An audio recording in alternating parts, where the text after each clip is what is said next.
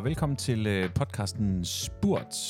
Mit navn er Claus, og det her det er øh, stedet, hvor vi dykker ned i en masse spændende emner. Vi udforsker fascinerende historier, og så taler vi med nogle inspirerende mennesker.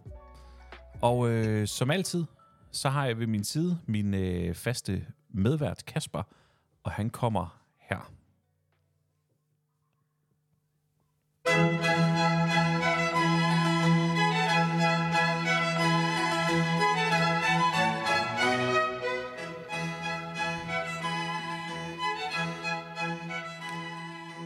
Hold da fast for en intro, Kasper.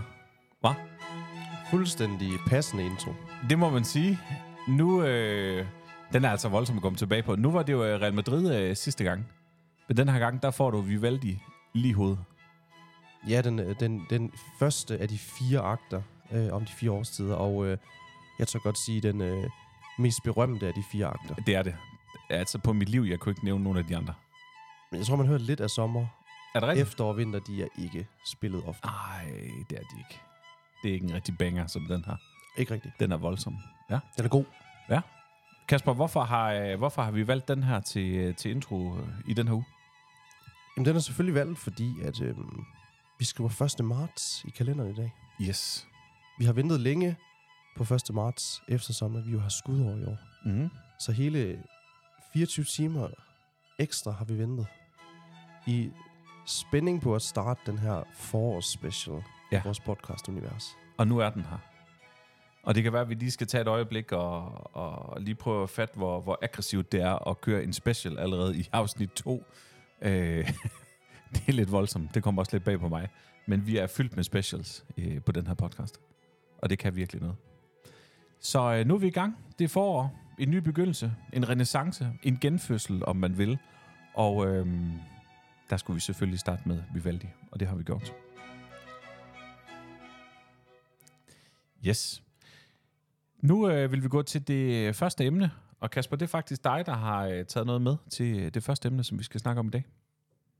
Hvad skal vi høre om i dag? Jamen altså, øh, det er fuldstændig rigtigt. Det første emne, det skal selvfølgelig handle om forår som koncept, men måske også mere sådan ideen bag foråret som årstid. Og så skal vi kigge opad i bogstaveligste forstand. Vi skal kigge ud i rummet Mm-hmm. og se, hvorfor er det egentlig, at årstiderne de overhovedet skifter. Hvorfor har vi et skifte fra eksempelvis vinter til forår? Hvad er det, der gør, at solen lige pludselig bevæger sig på en anden måde, og dagene bliver længere? Mm-hmm. Det er sådan meget det, det kommer til at handle om. Ja, fedt. Men, men inden selve emnet bliver fortalt, så har jeg faktisk lige et spørgsmål til dig. Ja. Forår.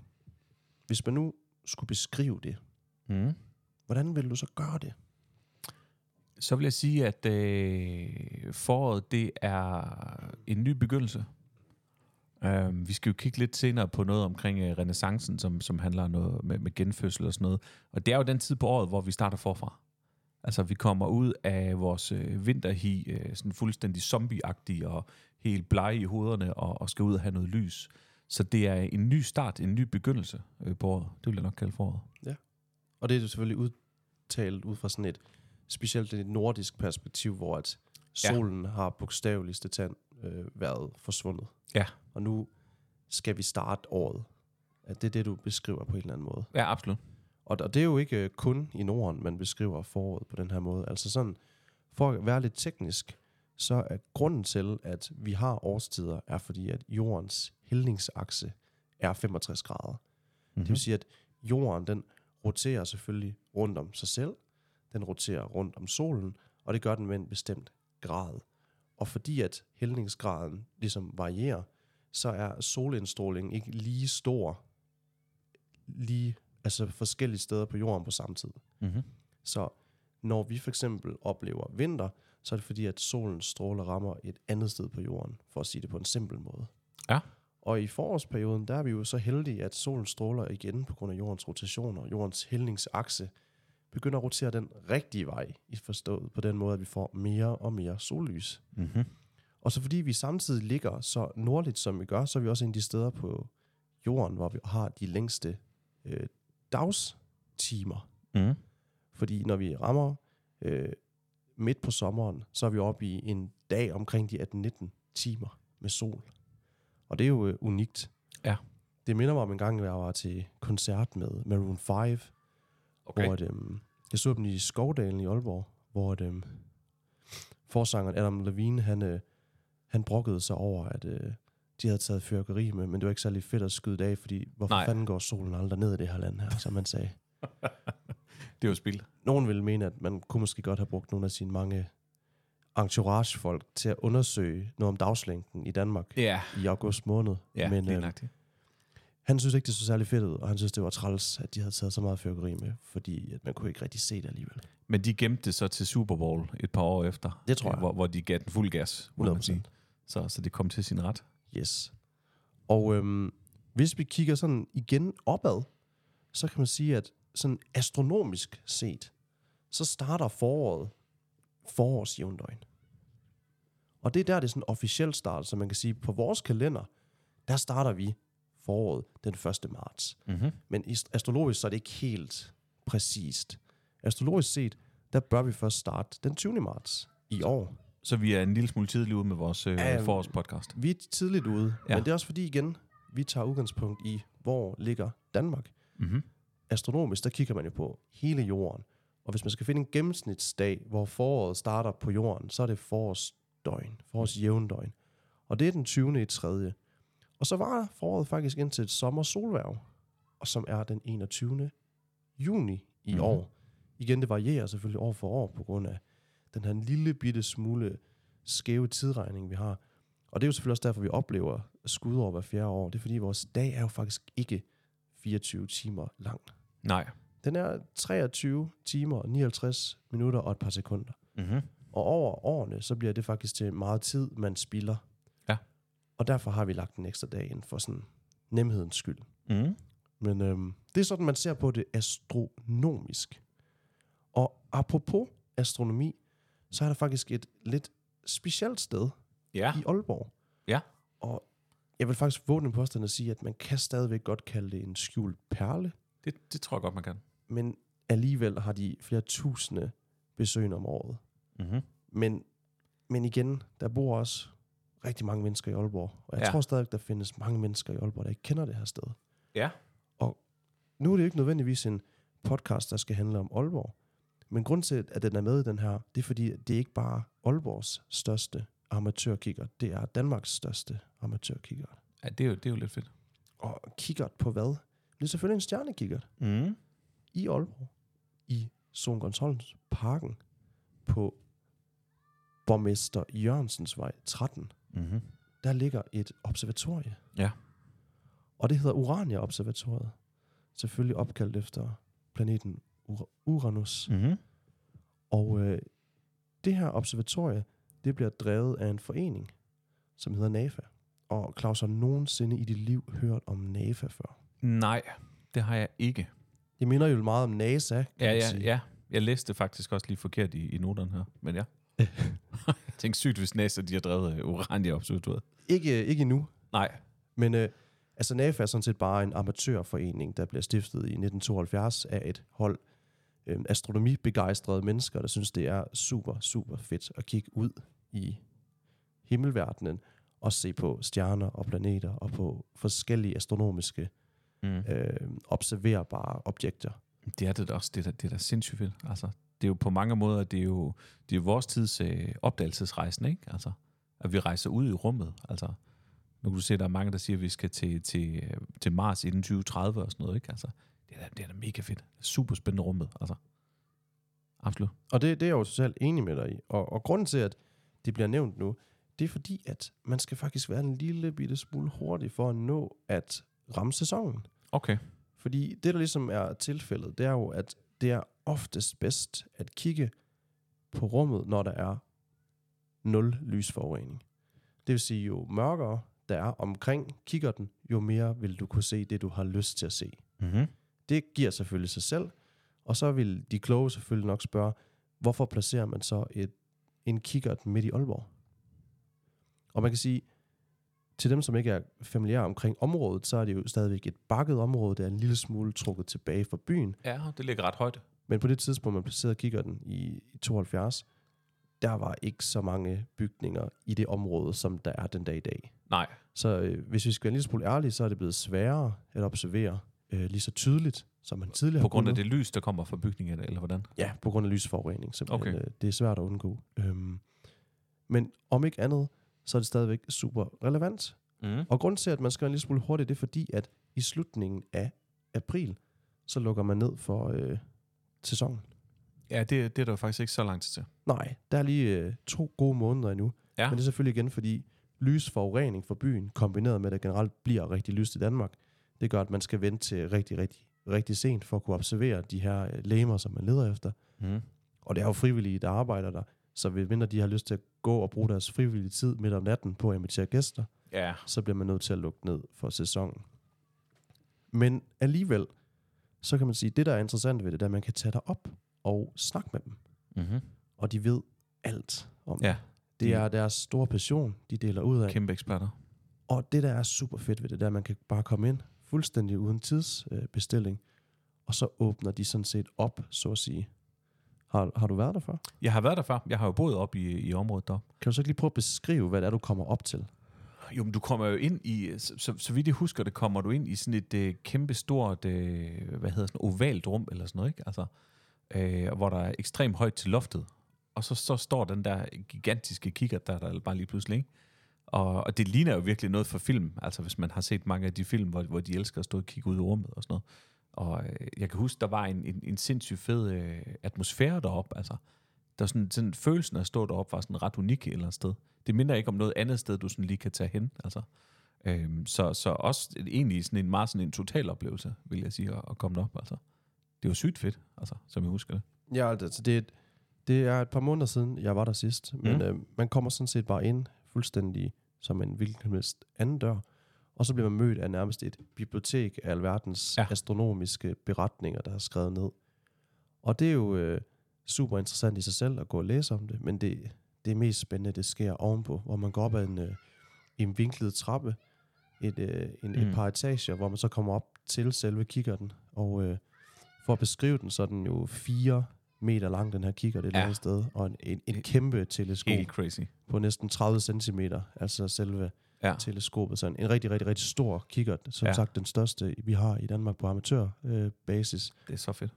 og så, øh, så øh, observerer man jo de lægemerne, man nu leder efter, og det kan jo være alt fra kometer til måner, til planeter, til øh, stjerneskud, til hvad ved jeg. Mm. Og det, der er super interessant op, det er, at man har jo et bevægeligt gulv, så man kan sådan set dreje gulvet i forhold til, hvilken retning Ja. ja. man skal kigge i. Og hvis man skal kigge rigtig godt efter, og det er det, jeg synes, der er det klart det fedeste, det er besøget hver i sig selv, så kan man åbne taget. Ja, Og det er det ikke-. Og det er ikke bare sådan en, en lille låge, man åbner. Man åbner Nej. hele taget. Ja. Og man står altså måske i en 7-8 meters højde, når man står derop og kigger ud over Aalborg og kigger op i, altså i faktisk i fortiden. Det er det, der er sådan en lille smule interessant ved at kigge Ja. ja. ud i universet. Det er jo, at man ser jo ting, der har fundet sted, Mm. før du ser dem. Fordi at ting tager tid at bevæge sig på grund af den Ja. afstand, der er i rummet. Så Er det super fascinerende? altså, det er jo det, der er en lille smule interessant. Man kigger faktisk tilbage i tiden på en eller anden mærkværdig måde. Ja. Øhm, Op på himmelvælvningen. og, det er jo, og det fede er, at det er ganske gratis. Mm. Så et eller andet sted er det også en anbefaling herfra. Her findes faktisk noget helt unikt. Det ligger i den nordlige del af Danmark, i Aalborg, og man kan komme derind ganske gratis og snakke med nogle mennesker, som et eller andet sted, under alle andre omstændigheder, sagtens skulle tage penge for den her service og åbne noget. Men de vælger at gøre det frivilligt, fordi de mener, at astronomien skal bredes ud til folket. Ja. Og det synes jeg bare, det er forårs anbefalesværdigt. Nå det, inden lyset overtager. Det må man sige.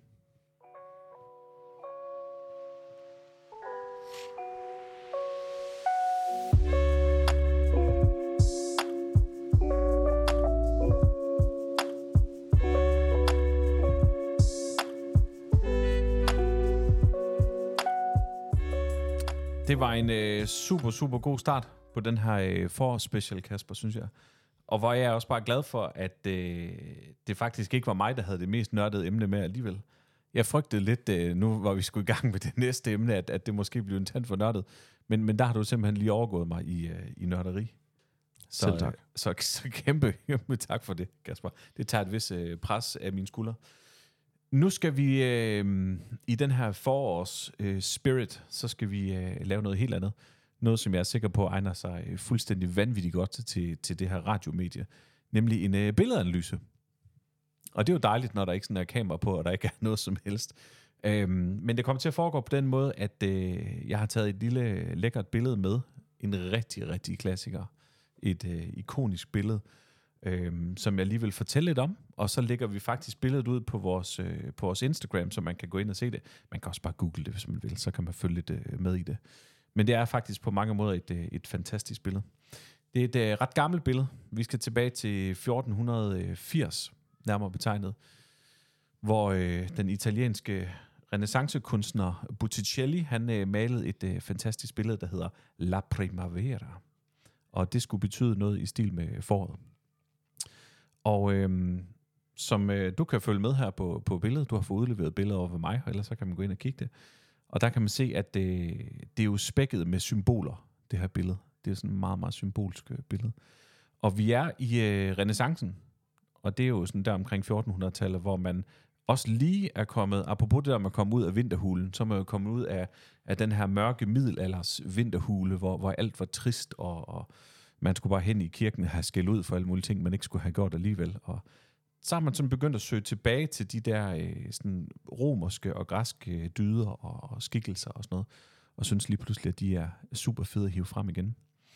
Og øh, det indeholder en del figurer, også fra, øh, fra græsk øh, mytologi, og øh, dem skal vi kigge lidt på. Og det er sådan, som øh, så mange andre billeder, så skal, man, øh, så skal man læse det billede på en øh, bestemt måde. Og øh, man skal faktisk starte over i højre side, hvor vi har øh, guden Sefyr, som er guden for øh, martsvinden, den kolde martsvind. Og der kan du se, at øh, den, den griber på sådan helt dramatisk vis, der griber den, eller griber den ud efter nymfen Kloris, som, øh, som den simpelthen kidnapper øh, på billedet. Faktisk en voldsom start øh, på, på forårsmåneden her. Og, øh, og det går faktisk ikke øh, øh, værre, end at øh, de senere faktisk bliver gift, de to. Og det øh, transformerer videre til den næste person på billedet, som er øh, gudinden Flora. Og øh, uden at du sådan skal høres i, i græske mytologi, hvad, hvad tænker du så umiddelbart, at, at Flora kunne være gudinden for? Hun er helt sikkert gud inden for blomster. Det er nemlig rigtigt. Botanik. Fuldstændig rigtigt. Så det er Gud inden for blomster. Og øh, der er faktisk en lille sjov detalje, fordi hvis du kigger på, øh, på figur nummer to, altså hende Kloris der, så kan du se, at hun vokser faktisk ud af sin egen mund, vokser hun og bliver til den her flora øh. Og det er jo selvfølgelig sådan en, en, en ret typisk måde, man, man kan fremstille sådan noget på. Så, øh, så de bliver gift, og så bliver hun til gudinden Flora, hvor øh, det hele blomster. Og det er jo sådan her, øh, selve forårselementet kommer ind, for det er jo den tid på, øh, på året, hvor alt ligesom begynder at, at blomstre.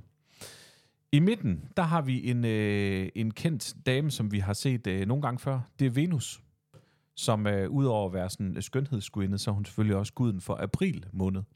Så det vil sige, at vi går altså fra marts øh, hen over april ind i midten. Og øh, hun symboliserer ikke kun sådan kærlighedskraften, men, men også det her med forårets øh, frugtbarhed og vækst i det. Og hun står der og stråler øh, af skønhed og, og noget. Over hende, kan du se, hvem der er, der, der hænger over hende? Det er nok sådan en Jamen, karakter, vi har set før. Jamen over hende, der hænger øh, lille Amor Der hænger Og- Amor. På vej til at skyde en af sine pile. Ja. Øhm, sin kærlighedspile. Ja, det er rigtigt. Ind i, jamen det ligner nærmest i en gruppe mennesker. Det er en gruppe med mennesker, og nu har du taget hul på, hvem vi har ved siden af. Det er de tre øh, gracier, som det hedder, også kaldet nådeskudinderne. Ja. Og de, øh, de fulgtes tit med, med Venus og, og hang lidt ud med hende. Og de øh, danser hånd i hånd, og de repræsenterer altså sådan noget skønhed og glæde. Mm. Så derfor er de selvfølgelig også øh, med herpå i sådan en, en, en dansende treenighed her ved siden af. Helt ud til, til venstre i det her fantastiske maleri, der har vi øh, Merkur. Og det var ham, der altid har travlt, fordi han var gudernes sendebud, så det var ham, man sådan sendte, når man skulle have ham øh, afsted med beskeder og, og forskellige ting. Og han vifter faktisk noget op i, i toppen af maleriet. Det ved jeg ikke, om du kan få øje på. Jo, men jeg kan, jeg kan sagtens se det, men jeg, jeg prøver også lige sådan at gennemskue, hvad det specifikt er. Han, han vifter de sidste kolde vinde væk Uh, og baner vej for sommeren. Selvfølgelig. Så det er faktisk sådan en, altså man skal læse den nærmest sådan helt kronologisk, altså fra marts hen over april, til maj, fordi han er sjovt nok også guden for maj. Så øh, han vifter sådan de sidste kolde vinde, der kan være i foråret væk, og så er det simpelthen banet vej for sommeren. Og det er jo på mange måder et, øh, et, et virkelig flot øh, maleri, der sådan symboliserer øh, genfødslen af året, altså renaissancen, foråret, skønhed, frugtbarhed, fornyelse, alt det vi sådan egentlig typisk forbinder med foråret på en eller anden måde. Ikke? Så det er egentlig meget, sådan, meget rammende, synes jeg. Jeg fandt et par øh, deprimerende fun facts, som du lige kan få omkring billedet. Øhm, der findes en masse forskellige blomstertyper på billedet. Og nu ved jeg, nu, nu er du jo vores øh, naturhistoriske øh, ekspert her i, øh, i det her lille foretagende. Kan du få øje på, hvor mange øh, forskellige blomstertyper vi har på billedet? Bare sådan i cirkatal. Altså, jeg kan godt øh, med sådan et, et hurtigt skøn. Ja. Jeg, kan, jeg synes, jeg kan se, jeg vil næsten sige 100 forskellige varianter. Der er virkelig mange forskellige. Det er der. Der er faktisk øh, hele 190 blomstertyper på selve billedet. Øhm, og nu kommer det sådan lidt deprimerende fun fact. Det er, at øh, det er faktisk kun omkring de 120, så vidt jeg husker, der stadigvæk eksisterer. Og der, okay. må Okay. du jo, der må du jo gerne komme med et bud på, øh, hvorfor det kun er de 120 ud af de 190 af de her blomstertyper, der egentlig stadigvæk er til stede. Jamen altså, nu er billedet jo, øh, og det gentager vi gerne lige fra 1480. Og Yes. øhm, helt naturligt, så øh, spiller evolution jo en stor rolle, Mm. både for, øh, for mennesker såvel som dyr, men så, så, så sandelig også for øh, botanikken. Og øh, evolutionært, så er der selvfølgelig sindssygt mange af de her blomster, der er blevet udkonkurreret af mere modstandsdygtige øh, yes. plantetyper, blomstertyper, end dem, der måske er portrætteret her på billedet. Mm-hmm. Og det er en naturlig ting. Ja. Men selvfølgelig er det også øh, forstået på den måde, at modstandsdygtigheden skal også øh, øh, finde sted, fordi at jorden ændrer sig. Ja. Og det der i særdeleshed sker de her dage, der jorden ændrer sig rigtig hurtigt. Lige nøjagtigt. Det har nogle ofre i ny og næ, også mm. inden for botanikkens verden. Yes. Og det er jo meget interessant egentlig. Det var en ma- meget lang smør rundt om ordet øh, klimaforandring. Eller hvad? Jamen altså, klimaforandring er en del af det. Ja. Men det, er ikke, Ikke det hele. det, det vil være øh, nemt kun at kalde det klimaforandring. Ja, det er rigtigt. Men det er selvfølgelig en del af problematikkerne. Ja. Der er lige til gengæld en, en sjov pointe her til sidst, synes jeg. Det er, mm. at øhm, jeg synes jo, det er, jeg synes jo, det er interessant i sig selv at tage et billede med til en podcast, Ja. som jo er om noget lydbetonet. Ja. Det mest interessante er måske at bede ham om at analysere billedet, der mest af alt har travlt med at finde ud af, om der er champagne ude for jen, når man er færdig med at gå rundt på museet, og hvor længe behøver man egentlig være derinde. Fordi Ja. jeg, altså, jeg synes jo, det er, jeg, jeg er jo glad for at få historien om, Du er ikke det store museums mensch. nej, Eller altså jeg er jo glad for at få historien om La Primavera, Ja. men jeg havde aldrig nogensinde tænkt en brøkdel af de ting, du har fortalt mig. Nej, Hvordan finder man ud af, at man skal læse det for højre? Er det sådan en det, generel det, det, ting? det skulle man med mange billeder øh, generelt dengang. Okay. Altså, men, men, men her der giver det sig selv, i og med at, at altså, dengang var de jo ikke i tvivl om, hvem de forskellige skikkelser var. Det er jo, det er jo kun os, der, der bliver nødt til at læse lidt op på det, men, men, men selve den der allegori, som det ligesom er et eller andet sted over øh, forårets komme, den skal jo starte fra den ene side med den kolde martsvind, og så gå over i noget, noget mere lunt, for sådan at ende med faktisk at bane vej til, til sommeren derovre til venstre. Ikke? Altså. Så det du siger, det er, at det vidste man bare dengang. Ligesom Det- at det tror man jeg, i man dag ved, dengang. hvordan man skal læse en tegneserie. Ja, lige nøjagtigt. Altså, Tiderne skifter. det er datidens øh, manga, det her, ikke også? Absolut.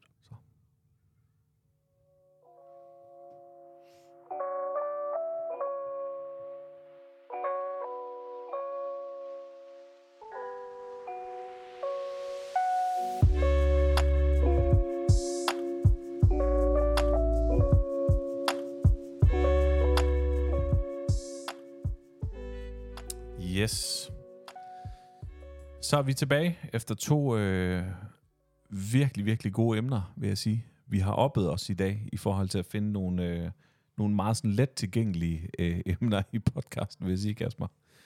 Øhm, det kan være, at det tredje det bliver øh, endnu mere øh, let tilgængeligt. Det er dig, der har det tredje emne med, Kasper. Det bliver i hvert fald sådan lidt mere upbeat på en eller anden måde. Yes. Kom med altså, en af de ting, som jo er interessante ved, ved forårshøjtiden, det er jo, at nu begynder en ny tid. Vi kan komme ud, vi kan lave nogle ting, som ikke behøver at være indenfor i vores sofa foran vores husalter på væggen derhjemme. Ja. Nu skal vi ud og opleve verden igen. Og i den forbindelse, så har jeg fundet fem forskellige bud på, hvad man kan gøre når, for at fejre, at foråret endelig er kommet. Mm-hmm. Fordi forår er jo ikke kun noget, vi fejrer sådan i Danmark. Vi fejrer det i hele verden. Mm. Og det gør vi på vidt forskellige måder. Så jeg har duk, dukket ned i historien og øh, fundet fem bud. Og for at gøre det sådan lidt mere øh, teknisk, så har jeg valgt det bud, som ligger længst væk fra Danmark til at starte med. Ja. Og så kommer vi tættere og tættere på Danmark til sidst. Ja. Men for sådan overraskelsens skyld, så har jeg ikke valgt nogen bud fra Danmark. Vi ved Nej. godt, at vi i Danmark fejrer foråret med blandt andet at gå meget op i påsken og Ja. være måske gå en tur i skoven og sådan noget. Mm. Men vi skal høre noget nyt nu. Ja. Og vi starter i en af de lande, som danskerne besøger mest. Primært i vinterhalvåret, men enkelte besøger det også i foråret. Og det er Thailand. Ja. Og øh, Claus, nu ved jeg jo, at du oftest befinder dig på mere europæiske rejsegrader, når du skal ud i den store verden. Det er rigtigt. Så du, øh, du har, så vidt jeg er bekendt med, aldrig befundet dig i Thailand.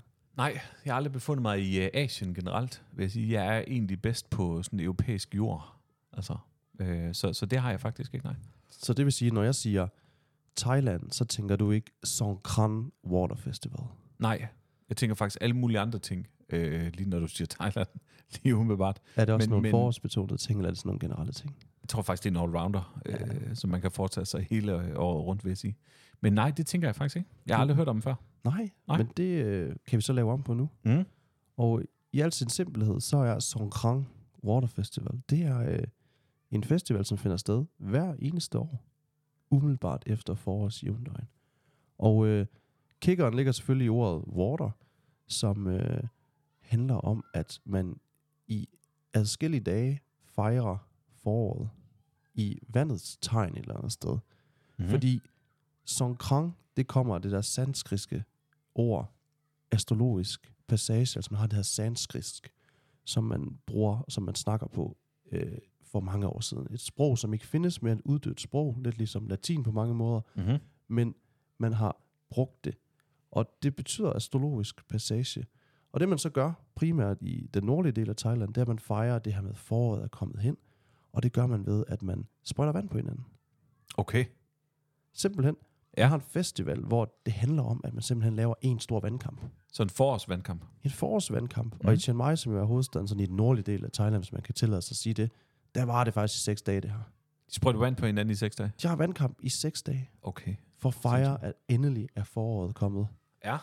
Og, og det har selvfølgelig også en anden symbolsk betydning, fordi hvis man nu er dybt investeret i Thailand, så ved man godt, at meget af selve øh, nedbøren falder faktisk i vinterhalvåret i Thailand, for de har jo monsunregn i Thailand. Mm-hmm. Så når man kommer til, øh, til foråret, så er det også for at fejre, at nu går vi mere stabile perioder i møde. Regnen udebliver, men vi har rigtig, rigtig meget regn fra de foregående måneder, så nu skal vi også bruge noget af det. Okay, så de fejrer, at regnen er stoppet med at lege vandkrig. Ja, et eller andet sted. Ja. Og, og, og det er jo også en fejring værd, fordi besøg i Thailand midt i regnsæson, det er ikke sådan alt for spændende. Ej, Jeg kunne forestille mig, at det går ret voldsomt for sig. Det, det regner meget. Ja. Mere end man kan forestille sig, selvom man er fra Danmark. Har du været i øh, Thailand? Jeg har været i Thailand øh, to gange, Okay. og øh, har også været i Chiang Mai. Øh, har dog aldrig nogensinde deltaget i den her water festival, Songkran. Nej. Men øh, har helt sikkert skrevet det bag øret nu. Det Ja, okay. bliver jeg nødt til at deltage i. Ja, det var Det er ikke sikkert, at det skal være seks dage, men måske bare en enkelt dag. Ja. Fedt. Lidt længere vestpå i forhold til Danmark, der øh, har, fejrer de også foråret. Og det gør de i, i Indien, Mm. hvor de har øh, en festival også, der hedder Holi. Og nu er ikke sådan skide skarp i hindi, men øh, det hedder Holi. Mm. Og øh, det er primært i Nordindien, vi fejrer de her ting. Og øh, jeg tror, at det her koncept kender vi i lidt højere grad. Fordi festivalen går sådan set ud på, at vi kaster farvet pulver på hinanden. Ja. Og nu ved jeg ikke, Claus, om du kender til konceptet Color Run. Jo, det har jeg set om. Eller Color det har jeg Run. set for. Ja. er direkte stjålet fra Holi. Ja. Som jo er den her indiske festival, som et eller andet sted fejrer de her farver, blomsterne, der springer ud, de nye ting, der sådan skyder op, butikkerne åbner, de forskellige farverige beklædningsgenstande kommer på. Og det fejrer man ved at have den her farvefestival i det nordlige Indien. Det synes jeg er rigtig, rigtig fedt faktisk. Altså. Så, så Næste. indtil videre, indisk festival eller thailandsk festival, hvad er du mest på, hvis du skal Der vil, vælge? der vil jeg køre den der color run. Du kan color run Ja, indtil videre. det, det vil jeg. Altså, det synes jeg er fedt et eller andet sted. vil gerne have, at du selv farver vurderer. og sådan noget. Du skal vurdere, hvad, du, hvad du helst vil af alle de her ting. Om det, vil jeg, men det er mere fordi det der med vandkamp og sådan noget, det ved jeg ikke. Nej, Det er ikke noget, jeg gider i seks dage. Altså, det er også længe. selvom den gav jeg jo knæk, der havde sådan en super soaker, som, som var ret voldsom. Der kan jeg huske, vi vandt en del kampe op på Villavejen med den, men, men, men i dag vil jeg vælge en color run til enhver tid. Så indtil videre, så er du mest på øh, Jeg er på color run. Vi må se, om det ændrer sig undervejs. Ja. Et andet bud, hvis øhm, vi bevæger os rigtig langt vestpå, der skal vi faktisk til, til Mexico. Mm-hmm. Og øh, i Mexico, der har de øh, nogle af de mest sådan ekscentriske kulturer, sådan historisk set. Fordi Ja. Mexico har været sådan et samlingspunkt for rigtig mange stammer igennem årene. Mm-hmm. Blandt andet har aztekerne jo gjort kæmpestort indtryk på sådan det meksikanske landskab. Ja. Og det har de gjort. Og det er ikke sikkert, at alle ved det, men det har de faktisk gjort ved at bygge pyramider. Mm-hmm. Og Claus, når du hører ordet pyramide, så tænker du nok lidt noget andet. Tænker jeg måske umiddelbart uh, Ægypten. Men man har bygget rigtig mange pyramider i Mexico, og faktisk også rigtig, rigtig mange store pyramider. Og en af de allerstørste, måske faktisk den allermest kendte, den ligger i det her område her med Teotihuacan-pyramiden et eller andet sted. Øhm, og den er jo kendt for blandt andet at være sådan et, en, en port til Gud. Okay, ja. Jeg kørte den faktisk lige på, på Google nu her. Den ser Ja. med vild ud. Den er faktisk øh, enormt høj, Ja. og øh, for at komme til toppen, der skal du faktisk bestige næsten 350 trin. Okay. Man kan gå op på toppen af den. Og øh, det er der rigtig, rigtig mange, der gør i forbindelse med netop foråret. Ja. Fordi en af de ting, som øh, man også fejrer i Mexico, ligesom man gjorde i både Indien og Thailand, det er nemlig det her forårs jævndøgn, Mm. som, jo så, som jeg nævnte tidligere er 20. marts. Og øh, det gør man i det her område her ved at holde en kæmpe stor fest og drikke sig øh, plørfuld, faktisk for at sige sig det på en øh, pæn måde, i Ja. øh, den øh, lokale mezcal. Så jeg tror en- virkelig, man kan blive fuld i Mexico. Ja, en mezcal er altså en rigtig god tequila-variant, ja. ikke også? Øhm, om morgenen, så kravler man op for sådan, du ved, genstanden fra de døde. Altså, du ved, den der fornemmelse, man har, når man, man har måske drukket lidt for mange Ja. genstande dagen forinden. Og det er nærmest sådan en kamp at rejse sig op. Ja.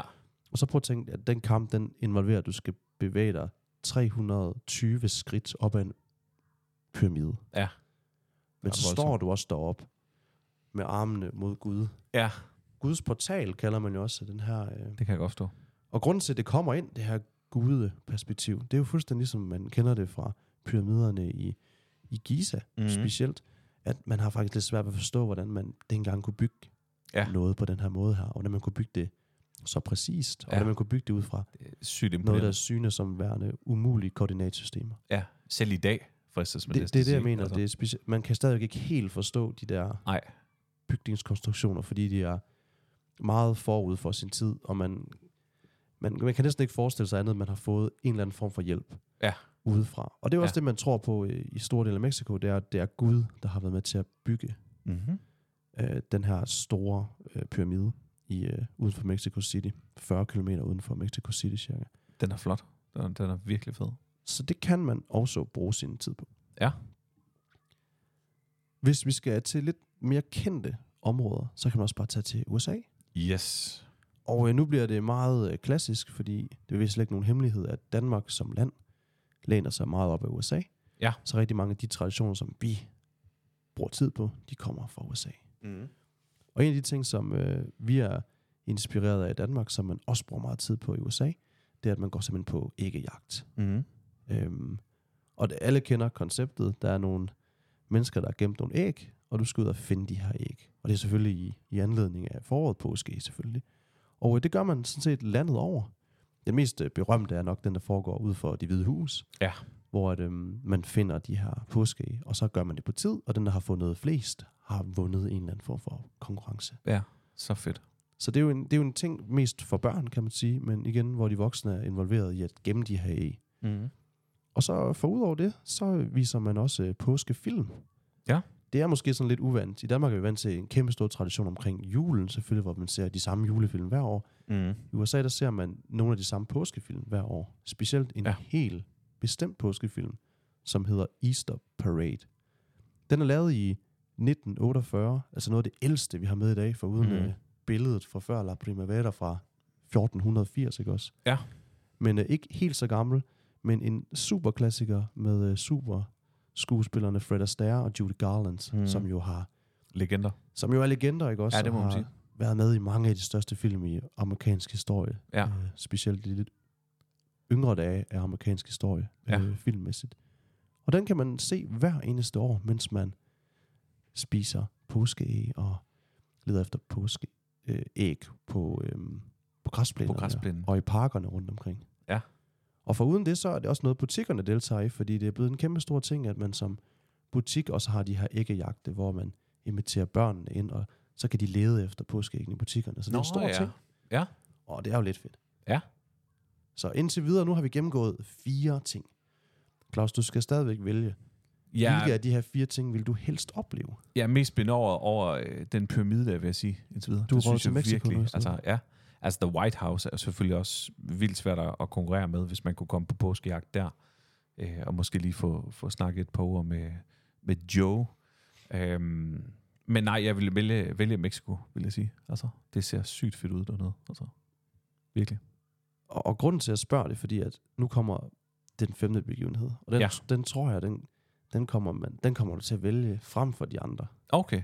Specielt når du kommer til at høre, hvad det indebærer, det her. Fordi Ja. det er måske af de fire øh, foregående, så den femte her, det er klart den mest utraditionelle fejring af foråret. Okay, fedt. Det kan og, jeg godt lide. Og vi skal til England. Mm. Vi skal ikke så langt væk. Man kan jo tage en, øh, en flyver ganske simpelt og nemt, og Ja. forholdsvis øh, økonomisk også til England. Og så skal man faktisk bare til øh, byen Gloucester. Og øhm, det, det går ud på, det er, at i, uden for Gloucester, der har de noget, der hedder Coopers Hill. Og Coopers Hill, det er en af de bakker i verden, der går mest nedad. Så det, okay. det er altså en meget, meget, meget stejl bakke. Mm-hmm. Og så øh, for lidt mere end 200 år siden, og der, der må vi virkelig ikke spørge mig om, hvordan man kommer på det her. Nej. Men der var nogen fra den lokale øh, ostefabrikant, som jo producerer den her specielle ost, som man bruger, Gloucester cheese, Ja. til den her tradition. Der var nogen, der fandt på at smide et ostehjul ned ad den her bakke her. Ja. Og så øh, har jeg læst, så, så har jeg læst mig frem til, at det, der skete, da øh, man fandt på det her i tidens morgen, det var, at den person, som gjorde det, hans hund løb efter det her ostehjul. Ja. Og den, den døde faktisk på vej ned. Nej. Nej. Ej, det er ikke, det er ikke pænt at, Ej, det er pænt ikke grine af, men det gjorde den, fordi det er så stejlt, og den, den Nå. faldt ret tidligt, og så rullede den bare Nej. altså 50-60 meter ned ad den her bakke her, og brækkede faktisk nakken. Altså, jeg, jeg sidder faktisk lige og kigger på billeder af, af selve bakken nu, Ja. og jeg kan godt øh, confirm, at den er rimelig stejl, den bakke. Ja. Ja, okay, for sindssygt. Så, så hvis man lige sådan skal have visuelt på det, så øh, kan man søge på Coopers Hill øh, i Gloucester. Ja. Og øh, hver eneste år, så holder man simpelthen øh, en, en fest, Ja. som fejrer den her øh, Spring Bank Holiday, hvor bankerne holder fri i England, og så holder man fest i den øh, weekend der. Ja. Og hovedattraktionen, det er, at man kaster det her Gloucester cheese hjul ned ad den her bakke her, og så løber folk efter det her oste. Men, men jeg skal lige forstå, skal man jagte Hjul. øh, osthjulet? Ja, Og hvis du fanger det, så vinder du. så vinder du. Og det gør Okay. okay. der. Det, der er interessant ved det, der, der, der er hundredvis, der deltager i det her. Ja.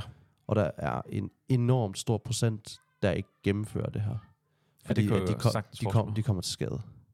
De falder ned ad bakken, kan ikke løbe videre, får småskader. Der, der, der er rigtig mange læger til stede, og fysioterapeuter til stede, fordi man kommer til skade af det her. Det går virkelig meget ned. Altså, de billeder, jeg sidder og kigger på, det, det ser helt igennem hjernedødt ud. Ja. Altså, Så, så, Virkelig. ofte, så oftest, den der vinder, og får fat i osthjulet, det er den, der kommer ned af bakken hurtigst. Ja. Man fanger ikke osthjulet på vej ned. Nej, det går det simpelthen for meget nedad, og det her osthjul, det, her, det har en anden aerodynamik end de her mennesker. Ja. Så dem, der kan komme ned ad den her bakke, uden sådan at komme til skade på vej ned, eller på en eller anden måde ikke kunne gennemføre, og Ja. kommer først ned, vinder den her konkurrence.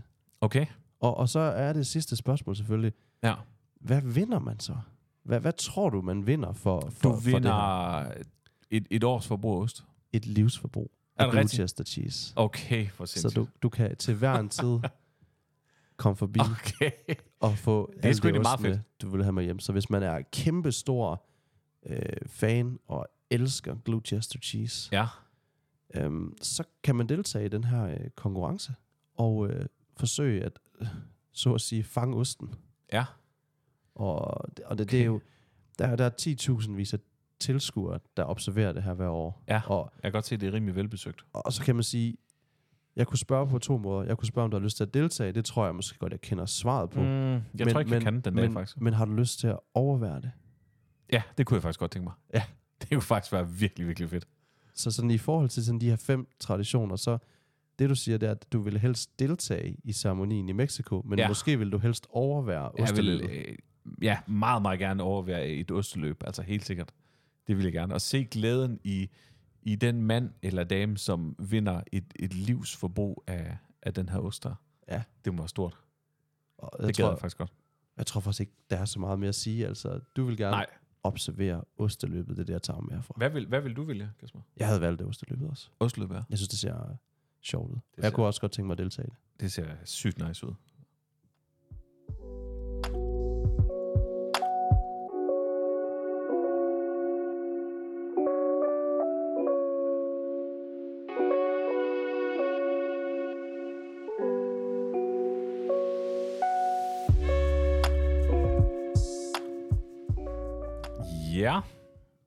det var øh, virkelig et, øh, et spændende indslag, synes jeg. Sluttet med et osteløb, det har jeg ikke lige umiddelbart set komme dengang øh, vi snakker om, at vi skulle lave en øh, forårsspecial, at vi ville komme på, på osteløb, men øh, vi kommer vidt omkring i, i den her podcast.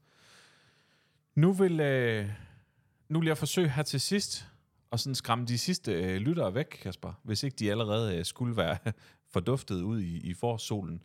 Jeg har taget en, øh, en bog med, som øh, virkelig sådan indkapsler foråret, altså. Og faktisk ikke sådan det, det positive i foråret. Det er nemlig en bog, der hedder Det forsømte forår. Og jeg ved ikke, øh, har du læst den? Den har jeg læst. Ja. Var det da du gik i gymnasiet? Eller? Ja, det var det faktisk. Ja. Øhm, Og også i folkeskolen. Også folkeskolen? I 9. klasse, der læste vi passager fra. Okay, forsømte det, det, det er sgu modigt nok, vil jeg sige. Altså, det er jo en, en bog, som egner sig rigtig meget til, til gymnasiet.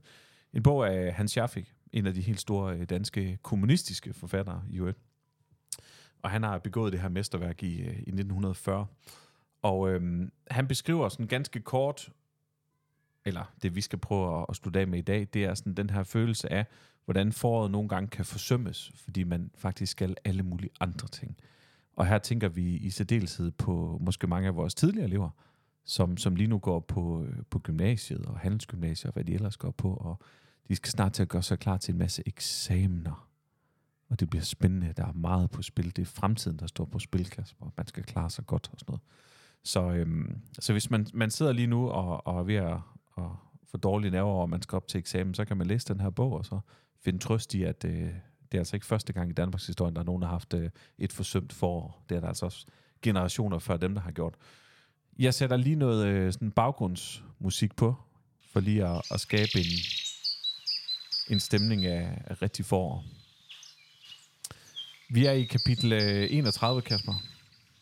Og øh, jeg læser ganske kort.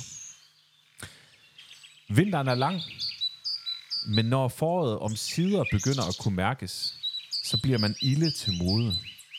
For foråret betyder eksamenstid. Når planerne i Øster Anlæg bliver grønne, og der kommer knopper på buskene, så nærmer den skrækkelige tid sig. Så må der læses og repeteres. Og det spiger i bedene i botanisk have, og tidlige albevækster blomster på stenhøjde. Og der er grøde i søen i Østre Anlæg, og vildænderne er underlige og dukker hinanden ned under vandet og rapper voldsomt. og der sidder elskende par på højen. Og stærer og solsorter fløjter uendelig melankolsk og minder om eksamen. Foråret er så modigt, og det kunne være dejligt, hvis man var dyr. Undskyld, hvis man var et dyr, eller en vild, eller tilhørte en lavere samfundsklasse. Der er mennesker, som kan gå, hvorhen de vil, og der er folk ude på landet og ude i skovene, og for dem må foråret være en rar tid. Men for disciplene i en skole er foråret fuld af ængstelse og melankoli. Det gamle plomberede lindetræ i skolegården bliver også grønt en gang, og solen når ned mellem legepladsens mure og skinner på bænken rundt om træet. De ældre disciple erobrer sædepladserne og sidder og spiser deres smørbrød og taler om tingene og eksamen. Og de nye har en vanskelig tid om foråret, fordi de ældre discipler, øh, disciple pludselig bliver så interesseret i deres opdragelse, og de bliver slæbt hen til bænken og maset og krammet og mishandlet på det mærkeligste. Og inspektør Schøf, han går vagt i gården og ryger pibe og har knappet overfrakken op. Og duerne er helt sindssyge og opfører sig forbavsende. Det blomster og dufter i parkerne, og Amsted og Mogensen følges fra skole gennem botanisk have, hvor alting er så paradisisk, at de bliver tavse og triste. Og ude på landet må det være dejligt. Og i Afrika og Sydamerika er der mennesker, som aldrig skal op til eksamen.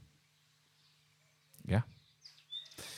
Det var øh, et lille uddrag af det forsømte forår, som jo beskriver, hvordan de her unge studerende simpelthen bliver trukket igennem uddannelsessystemet. Lige så vel som du er blevet trukket igennem, Kasper. Øhm, fordi du skal indtage en plads i øh, samfundet og være en god og nyttig samfundsborger.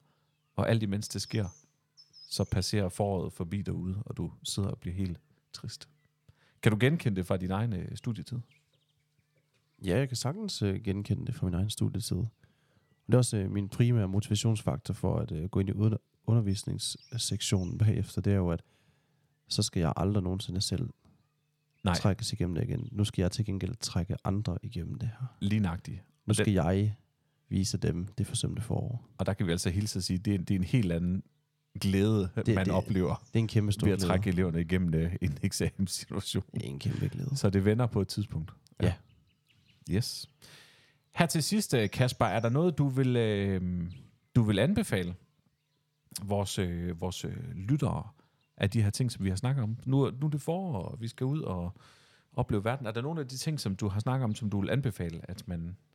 Altså, jeg kan, jeg kan jo anbefale alt, hvad jeg Ja. har sagt et eller andet sted. Intet mindre. Altså, alt det her lyder interessant. Det gør det. Hvis man er i Indien, i Thailand, i Mexico, i USA eller England, forsøg at komme i nærheden af de her ting. Ja.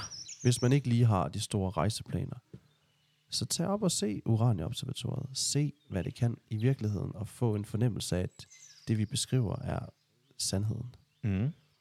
Hvis man øh, er til det lidt mere nede på jorden, så synes jeg, og det er jo en generel ting, tag ud i naturen.